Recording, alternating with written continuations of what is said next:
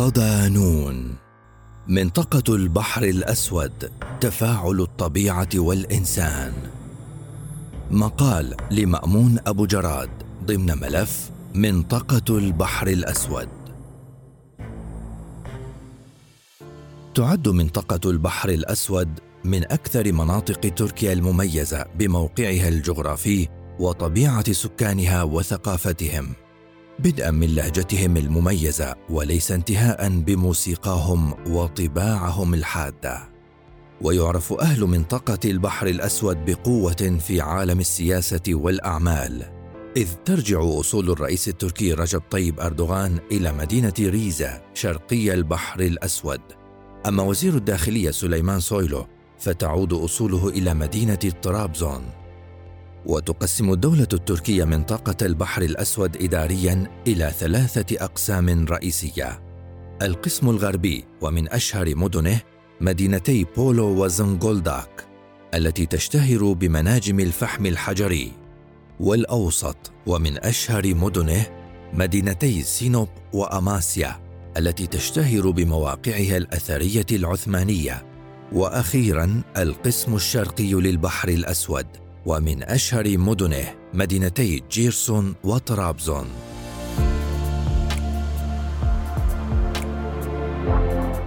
السكان. شهدت منطقة البحر الأسود ازدهار عدد من الحضارات الإنسانية. الأمر الذي انعكس على طبيعة سكانها حيث يغلب عليهم التنوع العرقي. فاستوطن هذه المنطقة اليونانيون والروس والجورجيون والأرمن وشعب اللاز والأتراك. وانعكست هذه الفسيفساء على ثقافة ولهجة أهل المنطقة حيث تختلط موروثات هذه الشعوب في قالب حضاري خاص بهذه المنطقة. ونجد ذلك في لهجة أهل البحر الأسود المميزة عن باقي المناطق في تركيا. حيث تكثر الكلمات القادمة من اللغة اللازية والجورجية بالإضافة إلى الموسيقى والفن وحتى اللباس. فنحن أمام ثقافة مكانية مستمدة من هذه الشعوب. عاشت فسيفساء منطقه البحر الأسود لسنوات طويلة بسلام في ظل حالة من التسامح والتعايش.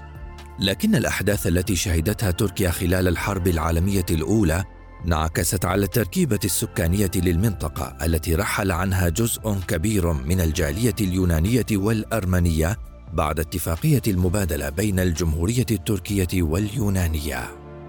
ومع قيام الجمهورية التركية وانتهاء حرب الاستقلال، تعرضت منطقة البحر الأسود لخسائر كبيرة في الأرواح، حيث شكلت المنطقة المادة الأساسية للجنود خلال حرب الاستقلال وبحلول الخمسينيات بدأ سكان منطقة البحر الأسود كباقي سكان الجمهورية بالهجرة نحو مدن الغرب التركي التي بدأت تشهد نهضة اقتصادية مدفوعة بنهوض القطاع الصناعي حيث تحتل الفئات القادمة من منطقة البحر الأسود المرتبة الأولى على مستوى الشعوب التي تقطن مدينة اسطنبول.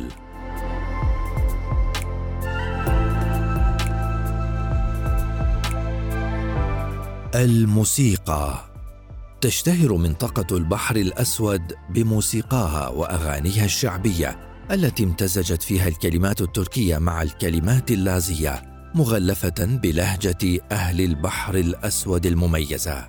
ويلاحظ انعكاس تضاريس وجغرافيا منطقة البحر الأسود المتقلبة والعوامل والأحداث التاريخية التي مرت بها المنطقة على الموسيقى التي تتراوح بين الحزن الشديد والفرح الشديد. وتشتهر موسيقى أهل البحر الأسود بالاستخدام الواسع للكمانجا التي تلعب دور العصا السحرية في أغانيهم فتارة تنتج الكمانجا أكثر الألحان حزنا وكآبة وتارة تتحول إلى أكثر الأدوات صخبا وحركة. تاريخيا قدمت منطقة البحر الأسود عددا كبيرا من الفنانين والمغنيين الذين تركوا بصمة واضحة في الموسيقى التركية. من أهمهم الفنان كاظم كويونجو الذي استطاع تقديم أغاني البحر الأسود بقوالب حديثة حيث دمج الأدوات الموسيقية التقليدية مع الأدوات الحديثة. كما تكمن أهمية كويونجو في دوره الرائد في تقديم الأغاني التراثية لشعب اللاز. فهو من أوائل الفنانين الذين غنوا باللغة اللازية واستطاع تحقيق نجاح كبير لدى شرائح واسعة في المجتمع التركي.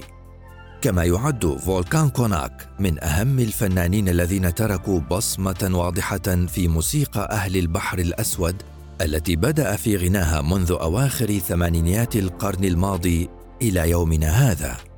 وإلى جواره يبرز اسم الفنان رسول ديندار. الذي بدأ مشواره الفني مع فرقة كارميتا كما برز اسم المغنيه شيف سام التي قدمت عددا من الأعمال الفنية إلى جوار عدد من الفنانين ككاظم كوينجو ورسول ديندار. بالإضافة إلى هؤلاء برزت في السنوات الأخيرة فرقة إميرا المكونة من عدد من الفنانين الصاعدين. وإلى جوار الغناء تشتهر منطقة البحر الأسود برقصاتها الشعبية المميزة وعلى رأسها رقصة الهورون التي تنتشر بالدرجة الأساسية في مدن القسم الشرقي من منطقة البحر الأسود كمدن سامسون وأوردو وحيرسون وطرابزون وريزا وأرتفين وجمشهانة تعود أصول كلمة هورون إلى اللغة اليونانية وتعني رقص حيث تتعدد أنواع رقصة الهورون حسب الجنس المشارك وحسب المدينة. فرقصات الهورون في مدينة أرتفين غير تلك الشائعة في جومشهانة أو مدينة أوردو. وبالإضافة إلى ذلك تشتهر منطقة البحر الأسود برقصات أخرى شائعة منها رقصة البار وخاصة في مدينتي أردهان وبايبورت وبعض أحياء جمشهان وجيرسون.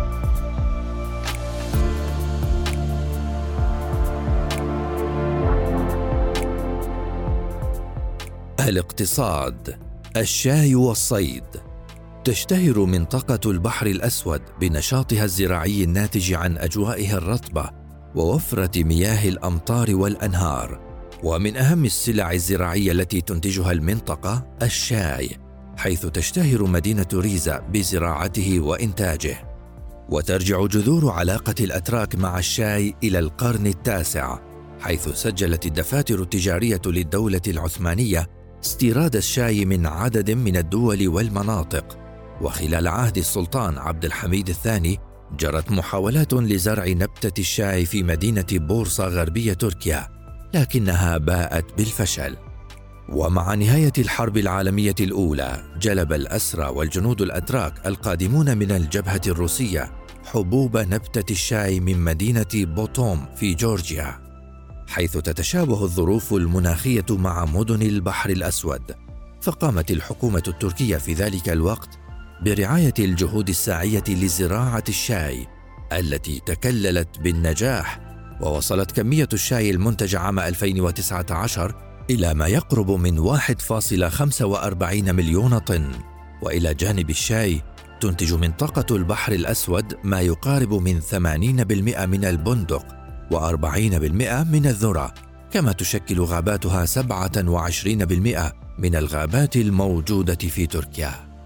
وعلى صعيد الأسماك تنتج منطقة البحر الأسود 70% من الصيد في تركيا وذلك لطبيعة البحر الأسود الذي تزدهر فيه الحياة البحرية على خلاف البحر المتوسط. ومن أهم الأسماك التي تشتهر بها المنطقة الهامسي السردين.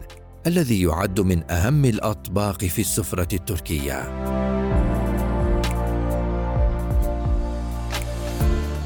وجهة السياحة المحافظة. تشتهر منطقة البحر الأسود بمناظرها الطبيعية الخلابة التي تجمع جمال الغابة والجبل والبحر. وشهدت السنوات الماضية تزايدا في إقبال السياح الأتراك والأجانب وخاصة العرب القادمين من دول الخليج.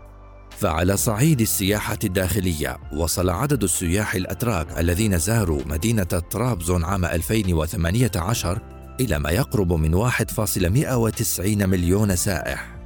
فيما وصل عدد السياح الأجانب في ذات العام لما يقرب من نصف مليون. جاء في صدارتهم السياح القادمون من السعودية ودول الخليج.